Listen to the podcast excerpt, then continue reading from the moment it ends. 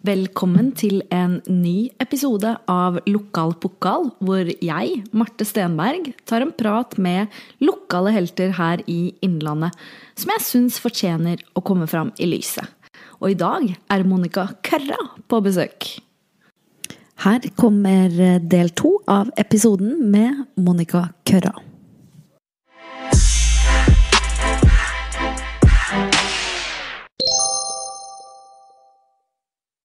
Ukens episode av Lokal pokal er sponset av Hvil vingene dagspa. Unn deg sjøl et velfortjent pusterom i hverdagen. Ja, det var jo en periode der sånn eh, noen år i ettertid hvor du kom ut med boka, du holdt en del foredrag, var på noen TV-shows. Um, følte du at du Eller var du redd for å bli bare hun der som ble voldtatt i USA? Følte du på noe som helst tidspunkt at du måtte liksom distansere deg fra historien din for å komme videre? Eller hvis du skjønner hva jeg Ja. mener? Jo, nei, ja. Nei, jeg skjønner, jeg skjønner veldig godt hva du mener, for det um, Klart, klart det har vært noe som har surra i hodet mitt. Um, Det har det. Og um, det er nok kanskje liksom når jeg ser tilbake nå på de skal si, fem siste åra, at jeg valgte å ta litt avstand fra det igjen. For det, det ble en veldig stor del av livet mitt i en periode. Ikke sant? Og, og Tok mye plass, Det, to, det tok mye plass, ikke sant? Og, um, og det påvirka meg jo liksom emosjonelt ofte når det var utholdt foredrag. Så for meg var det kjempeviktig å da bli værende i etterkant og snakke med de som trengte det. Og, ikke sant? Du fikk veldig mange sterke historier òg. Så det ble jo ikke sånn at du var ferdig der, og så tok du ikke med deg det hjem. Jeg, jeg tok med meg mye hjem. Eh, og fikk jo veldig sånn der at jeg ville hjelpe alle. Følte aldri at det ble nok, da. Så det ble nesten tøft for meg etter hvert. det der, At eh, alle historier jeg hørte, så hadde jeg lyst til å følge opp. Jeg hadde lyst til å ha kontakt videre. Jeg hadde lyst til å gjøre mer. Og så Ja, og så, så kom jeg jo dit eh, at jeg ble trener. Eh, og det var nok kanskje da, når jeg fikk tre, trenerjobben eh, med juniorlandslaget, at jeg skjønte at nå må jeg ta et lite steg tilbake for å ha fullt fokus på, på jobb, da. For det, det tok opp ganske mye av ja, hva skal jeg si, min mentale kapasitet. Ja. eller, eh, ja. Så det var nok da jeg på en måte tok et steg tilbake, og, og jeg var vel Jeg tror jeg var veldig redd når jeg takka ja til den jobben, at, at det skulle nettopp være hun jenta som ble voldtatt, hun som holder foredrag. Eh, og at det ble viktig for meg å liksom bevise at, at jeg er mer, eller eh, nå, nå er det trener jeg er. Eh, så jeg gikk nok veldig inn i den, og slapp kanskje, kanskje tak i det litt for brått. Ja. Eh, for det har vært veldig sånn der, ja, 360 grader snu seg om for meg eh, ja, på mange vis her, da. Fra det ene til det andre. Ja. Og så er jo det noe jeg har kjent på nå i senere år igjen. Ja, at det bare, ok, jeg, jeg tror på en måte at jeg må ta tilbake litt av den delen av meg. Mm. At uh, jeg må få lov til å holde noe foredrag igjen. Jeg Mm. må få lov til å ha litt fokus på det her. For det, det er jo noe som er viktig for meg. Det er en del av livshistorien min, og den kan man bare ikke legge lokk på. Så, så der jeg er i livet mitt nå, så, så ønsker jeg å ta tilbake eh, deler av det. Da. Og jeg tror at jeg er nå i stand til å balansere det på en veldig fin måte, da. Ja, ikke sant? For Hvis jeg forstår deg riktig nå, da, så har det vært liksom noen år nå hvor du ikke har på en måte gjort så mye av foredrag og sånne ting. Eh, og så Ja. eh, er, det, er du der i en prosess i, i hodet ditt at du tenker at du skal ha på en måte kapasitet til å gjøre noe av det, samtidig som du er eh, langrennstrener? Ja, ikke sant. Det er, jo, det er jo det jeg nå håper på. For jeg har jo sporadisk holdt noen foredrag gjennom de senere åra. Og jeg kjenner jo på hva det gir meg, da. Eh, Det er, liksom, det er, det er veldig meningsfylt for meg da, å få lov til å gjøre det. Så um, jeg håper det at jeg kan få inn den biten litt, litt mer i livet mitt igjen. Mm. Ja, men Det er veldig bra. Tusen takk for at du deler, Monica. Bare koselig. Vi skal snakke litt mer om idretten og trenerkarrieren. Eh, Men først så kjører vi gjennom noen faste spørsmål. Ja. Spørsmål 1. Hva er din favorittspot eller plass her i regionen? Ja, det, det er ganske enkelt for meg, så det er det. Det er, eh, det er og blir budord. Det er stedet i mitt hjerte. Hvorfor det?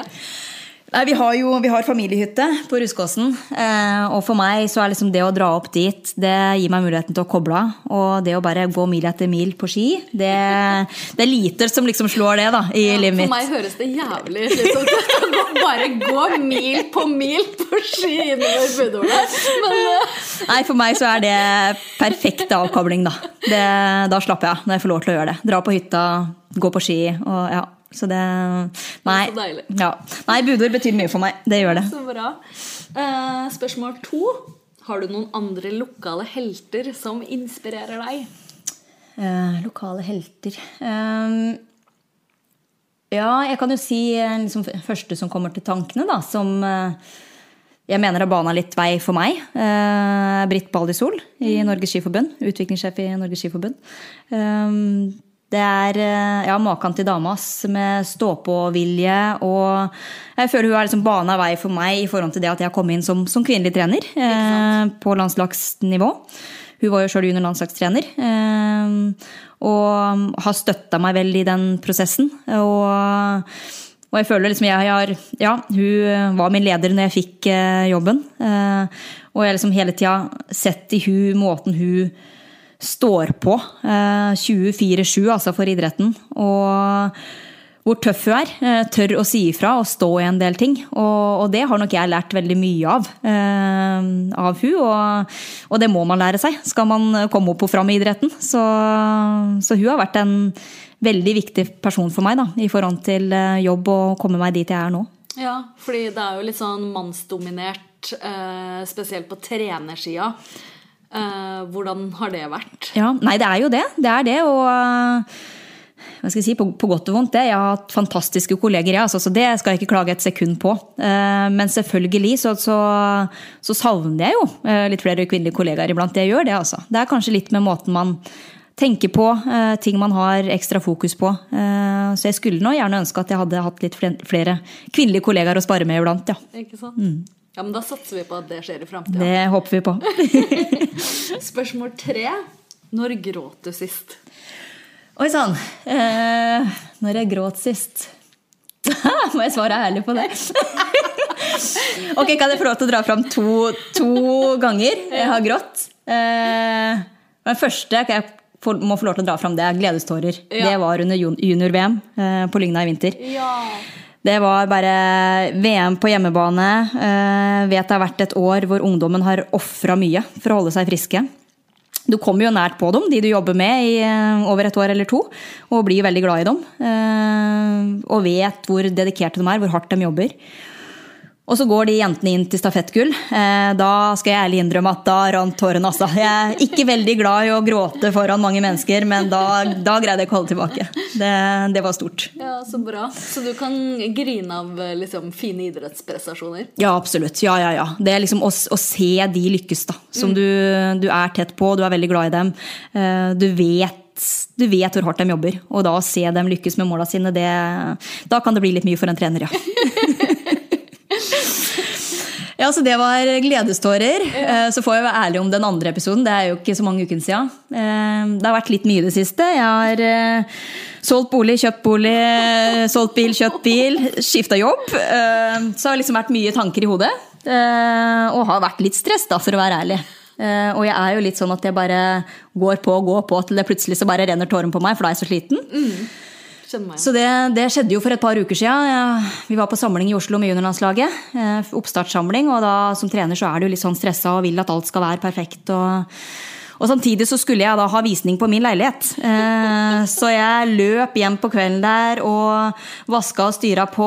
Og tilbake igjen på samling. Neste dag skulle jeg ha privatvisning, og da må jeg i mitt hode vaske på nytt. Så da var jeg tilbake og vaska, og, og da en kveld så bare rant tårene, altså. For da, da var jeg sliten. Å! Det skulle bare mangle. Altså, når vi flytta hit, som vi bor nå, for sånn tre, tre og et halvt år siden Jeg, gren i flere måneder. Ja. Det var så slitsomt. Det er noe med det. Det er, det er sliten, og så du kjører på i lang periode, og så kjenner du at bare, ok, nå må man bare gråte litt, så, Ja. så går det fint. Så går det greit liksom. Ja. ja, men det er godt å høre at andre er sånn. da.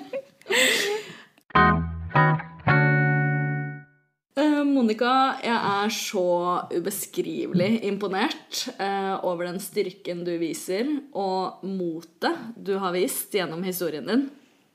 Eh, ikke bare at du skaper deg et fint liv i ettertid av en så traumatisk og dramatisk hendelse da, som det som skjedde med deg, men også eh, for det enorme motet som kreves til å være åpen om det mest sårbare og det mest vonde som skjer et menneske.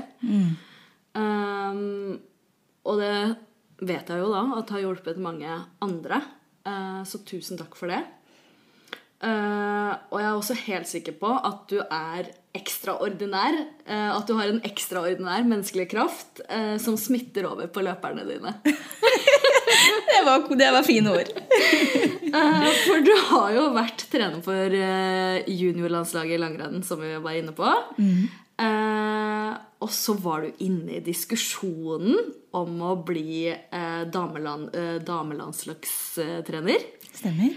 Eh, men nå har du altså landa jobben som rekruttrener. Eh, hvordan har de her trenerjobbene i langrenn vokst seg fram til å bli en vei for deg?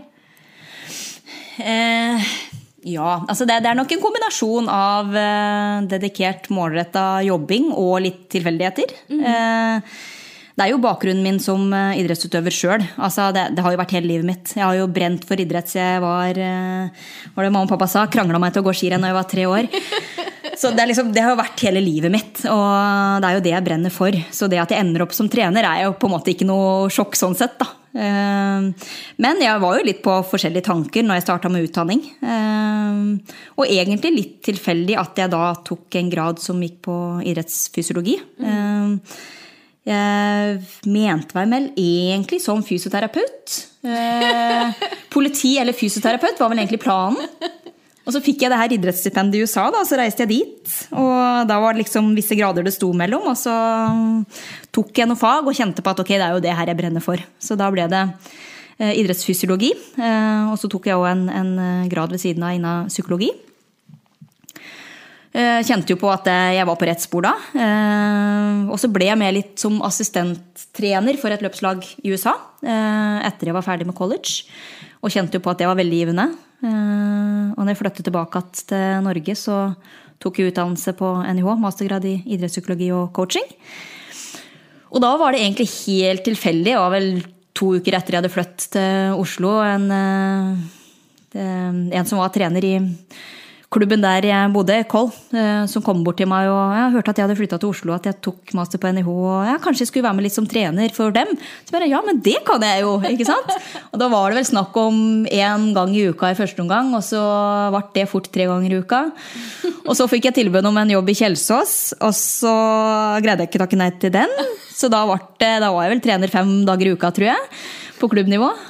Og så kjente jeg at det her er jo gøy. Det her er jo det jeg vil drive med. ikke sant? Ja. Og så ja, brukte jeg jo mye av tida mi på det. Jeg begynte å ta trenerkurs. eh, Det er trenerløypa innafor Norges Skiforbund. Mm. Og da kjente jeg på at liksom, det her er noe jeg vil eh, gjøre videre. da. Eh, Og så åpna plutselig den stillingen seg på juniorlandslaget. Jeg tenkte vel da i mitt hode at det her er jo altfor tidlig, men eh, samtidig så bare Jeg var veldig bestemt på at jeg skulle ha den, da. Så Uh, Forbereda meg veldig godt til de intervjua der. Brukte hele sommeren tror jeg, på å liksom tenke gjennom hva jeg skulle si, hva jeg sto for, hvem jeg er som trener. Og så fikk jeg en. Eh, og da, ja, etter det har det liksom vært det naturligste i livet mitt å være trener, da. Det, mm. Så fint. At du har liksom funnet på en måte ja, der du vil være. Ja, ja. Nei da, for meg nå så tenker jeg bare det hadde vært helt høl i huet for meg å gå en annen vei. Det, Ja, jeg tenker jo, tenker jo det nå. Så veldig glad for at jeg landa der, ja. Mm. Men uh, hva tenkte du når det begynte liksom å bli diskusjoner om at uh, du skulle ta over som, uh, som trener for kvin kvinnelandslaget, da? Eh, nei, det, det blir nok litt, litt sånn samme som uh, når jeg tok underlandslaget. At uh, du kjenner på det med bare litt sånn uh, Hva skal man si? Det er noe du virkelig brenner for og vil. Samtidig så er det noe som skremmer deg. ikke sant? For ja. det, det er et stort ansvar å komme inn på det nivået. Så um, Og du er jo ikke gamle jenta. Nei da, nei da, ikke i den sammenheng. Så, så er jo ikke det. Så jeg tror jo sånn altså nå at det, det føles veldig riktig for meg å ta steget opp på rekrutt. Og, og få lov til å fortsette å jobbe med de som er, er liksom i en utviklingsfase og på skuddhold til å ta steget opp på elite. da. Det, jeg kjenner jo at det, det, det trigger jo noe ekstra i meg som trener. Så, og så er det jo utøvere her som jeg har jobba med tidligere. Og det, det gleder meg jo stort da, å få lov til å samarbeide med dem igjen. Så, så får vi se etter hvert om jeg kanskje blir med dem eh, videre. Ja, det gleder jeg meg til å liksom se hvor dette her havner. Eh, men hva med friidretten, eh, som var en stor del av livet ditt? Hvordan, hvor er det i livet ditt nå? Er det noe plass til det? Det, Ja, nei, ikke så mye annet um, litt egen er du fortsatt egen i Reneng? Ja, det er jeg. Jeg står fortsatt som medlem i Reneng. Det har jo vært få løp for min del av de senere åra. Det har det. Det har det Det har det ikke vært så mye tid til. Men eh, jeg elsker jo å trene, så jeg gjør jo mye det sjøl. Og har jo mye kontakt med de i løpsmiljøet. Eh, Så klart friidretten er fortsatt viktig for meg, og det, det har jeg jo sagt òg. For meg, altså som, jeg brenner for å være trener, men eh, jeg skal ikke si at eh, jeg aldri skulle skifta over til friidrett, f.eks. Det, det kan hende. Så det, det er liksom, jeg har jo kjent på det mange ganger òg, at jeg, jeg savner jo friidretten. Men eh, samtidig så er det liksom langrenn som har stått hjertet mitt nærmest nå da, de senere åra. Men så får vi se. Det, kan, spennende. Ja da. Man må si at man har muligheter, tenker Ja, jeg. det tenker jeg jo absolutt. Eh, Men hva er viktig for deg som trener, da? Hva er liksom dine hoved... Mm. eh, Ja, verdier? Verdier, ja.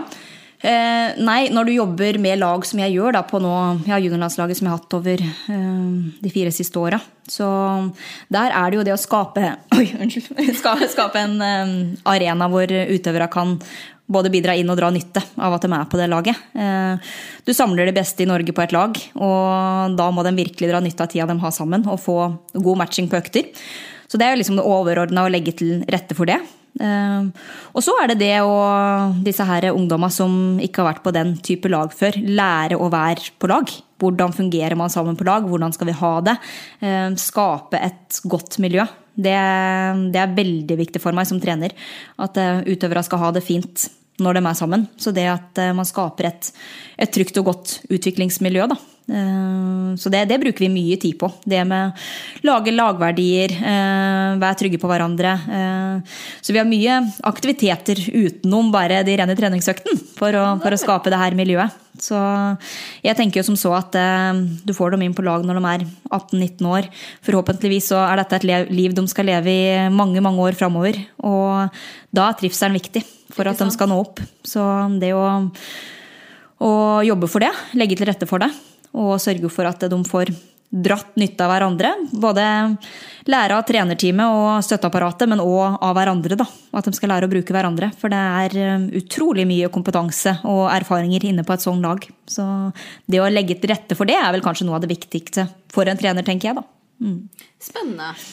Uh, og så uh har du jo også brukt stemmen din innafor idretten. Ja da. Du er ikke skuggredd, du.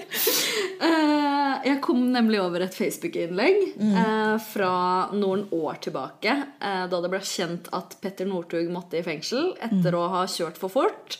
Og innrømma samtidig at han var på feil spor med festing og rus etter endt karriere. Eh, og du skrev det innlegget på en veldig fin måte uten å klandre noen direkte, men uh, retta en bekymring for ettervernet til idrettsheltene våre.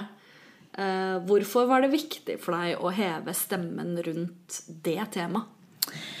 Eh, Nei, det henger jo litt sammen med det som er veldig viktig for meg. Da. Det her med, med trivsel, se hele mennesket. Eh, Jeg mener at vi innen idretten har et ansvar også etter at utøvere på så høyt nivå legger opp. Eh, Det har vært livet deres i, ja, fra de var små. ikke sant? Det er livet de har levd, det er livet de kjenner til. Eh, Det er jo identiteten deres. Og det er jo ikke rart om noen kjenner på en type identitetskrise når man legger opp. Eh, stiller seg spørsmål hvem er jeg nå? Hva skal jeg gjøre med livet mitt? Ja. så, så, jeg mener jo at vi innen idretten må, må, ta ansvar der. Og at vi bør følge opp, ikke bare slippe dem med en gang de legger opp. Og sørge for at de får eventuell oppfølging da, videre til å på en måte stake seg ut en, en ny kurs. Og en ting er på en måte Fordi de største heltene De har jo også kjent på det enorme kicket mm. som det jo er å vinne. Ja. Så hvor Altså, når man har vært så høyt oppe, mm. hvor skal man hente de endorfinene igjen i et vanlig hverdagsliv? Ikke sant. Jeg tror det er det som er, blir mye av problemet for folk. da. At du, du, har levd i den bobla, du har kjent på den ja, rusen som du sier, når du vinner, og mye spenning. og og det at, at, livet kan, det kan føles litt tomt og kjedelig og når man legger opp, for du, du mister eh, den delen av livet ditt. Eh, og ikke minst liksom det du ja, det du brenner for, da. Som eh, Ja. Eh, og det å, å finne det i noe annet. Jeg tror kanskje man trenger litt hjelp til det. Og vri om fokuset sitt og forstå at det er viktig å finne noe, noe nytt man brenner for. Så man ikke bare føler seg tom. Jeg, jeg, tror det er veldig fort gjort å gå i den at man nesten føler, ja, kan kjenne på depresjon og osv. Fordi at ja. Eh, du står i en fase hvor ja, hvem er jeg nå? Hva, hva, hva skal jeg bruke? Hva er Mine nå? Ja, ikke sant? Hva er målet til å stå opp nå? Ja, ja. Så jeg tror det er veldig viktig å bare ja, finne en ny kurs, noe nytt å brenne for. Eh, så man ikke blir værende den ja, en idrettsutøver som har lagt opp. Liksom. Man må finne seg en ny identitet, man må finne noe nytt man brenner for for å kjenne på den livsgnisten videre. Det, så der mener jeg jo at eh, vi i idretten må, må, ta ansvar. Ja, og jeg syns det er interessant altså, hvordan eh, idrettsutøvere blir håndtert etter endt karriere. Fordi jeg hadde også Jon Anders Gaustad som gjest her. Ja. Eh, og han fortalte at eh, da han slutta som langrennsløper så slutta han liksom bare å trene med en gang. Mm, mm. Han var liksom fed up, slutta. Ja. Eh, og så gikk det en stund, og så begynte han å prøve seg på noen drag. Mm. Og begynte å kjenne at han fikk vondt i hjertet. Mm, mm. og så eh, var han jo da til hjertespesialister og sånne ting, eh, som fortalte da heldigvis at det ikke var noe gærent med hjertet, men at eh, idrettsutøvere som har pressa seg så mye over så lang tid, faktisk har et forvokst hjerte, eller noen sånne ting. Da, sånn mm, at man må eh, blåse ut innimellom resten av livet sitt. Ja. Eh, hvis ikke så kan man få sånne smerter, da. Mm, mm. Og liksom Det har jeg aldri hørt om. Og, og, han heller hadde jo aldri hørt om det. Altså Det burde jo nesten være en slags opplegg ja, for ja. liksom Ok, nå skal du slite med idrett. Fysisk så skjer dette og dette. Mm. Psykisk så må du dette og dette. Ja. Jeg, jeg, tenker jo det, helt seriøst, at det bør være Altså at man, eh, Det kan være i eh, en gruppe, det. Men de ja, ja. som legger opp i løpet av et år, kanskje man skal inn på noen timer og, og, snakke med om det er en psykolog og en fysiolog eller hvem som tar seg av den biten, men at man har et opplegg så man blir fulgt opp litt, i hvert fall. Ja. Eh, så man kan få litt informasjon og kan spare litt med andre som er i samme situasjon. Jeg tror det òg liksom høre at det er ikke uvanlig ja, ikke å kjenne sant? på en tomhet etter man eh, legger opp. Det er helt normalt. Eh, så det er bare å liksom komme i kontakt med andre som er i samme situasjon, og få noen fagfolk på feltet da, som kan eh, være med og, og spare med å gi litt informasjon. Så ja. Er det noe bedring på dette området om dagen, tror du? Eller åssen er dette?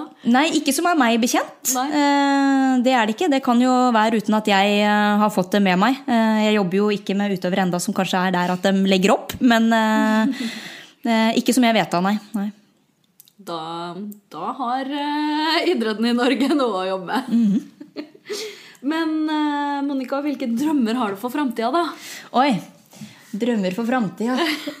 Nå har du jo akkurat flytta til Hamar. Eller ja da, er i ja flytteprosess til Hamar, i hvert fall. Så det er jo noe jeg har landa. Ja. Det er jo kjent på en lang periode at jeg vil flytte hjemover igjen. Det, så det, det, skal bli godt. Ehm, og så er det jo, altså Nå er jeg jo selvfølgelig inne i den bobla i forhold til trenerjobben og starter opp på nytt, og du er liksom veldig inn i det da, og brenner for det. Og jeg håper jo at ehm, ja, jeg får til noe bra år på, på rekrutt og um, får utretta noe, noe, godt der. Og så skal jeg ikke legge skjul på det at jeg har vel ambisjoner om å enda ta et steg videre på den uh, trappa. Det er jo en drøm jeg har, det. Det er veldig bra. det gleder jeg meg til. Men så er det jo det, da, i kombinasjon med at jeg er ei dame på 32 som eh, kanskje bør tenke familieliv etter hvert òg. Så du har jo liksom Det er jo òg noe jeg drømmer om, ikke Ja, sant? Så vil helst få alt. Jeg er 34 og har ikke barn, så det er bare Takk, nå følte jeg meg litt bedre. Ikke sant? Det handler om å snakke om det. Bare å åpne. Herlig. Så det er bare å slappe av. Ja, prøve å ikke tenke for mye på den alderen. Ja. Men eh, jeg håper jo det at jeg både kan få meg en familie, og at jeg kan få meg de jobba jeg drømmer om. ja. Ja. ja, men det syns jeg er veldig fint. At uh, jeg føler på en måte at uh, det var en tid hvor kvinner enten måtte satse på karriere eller uh, familieliv.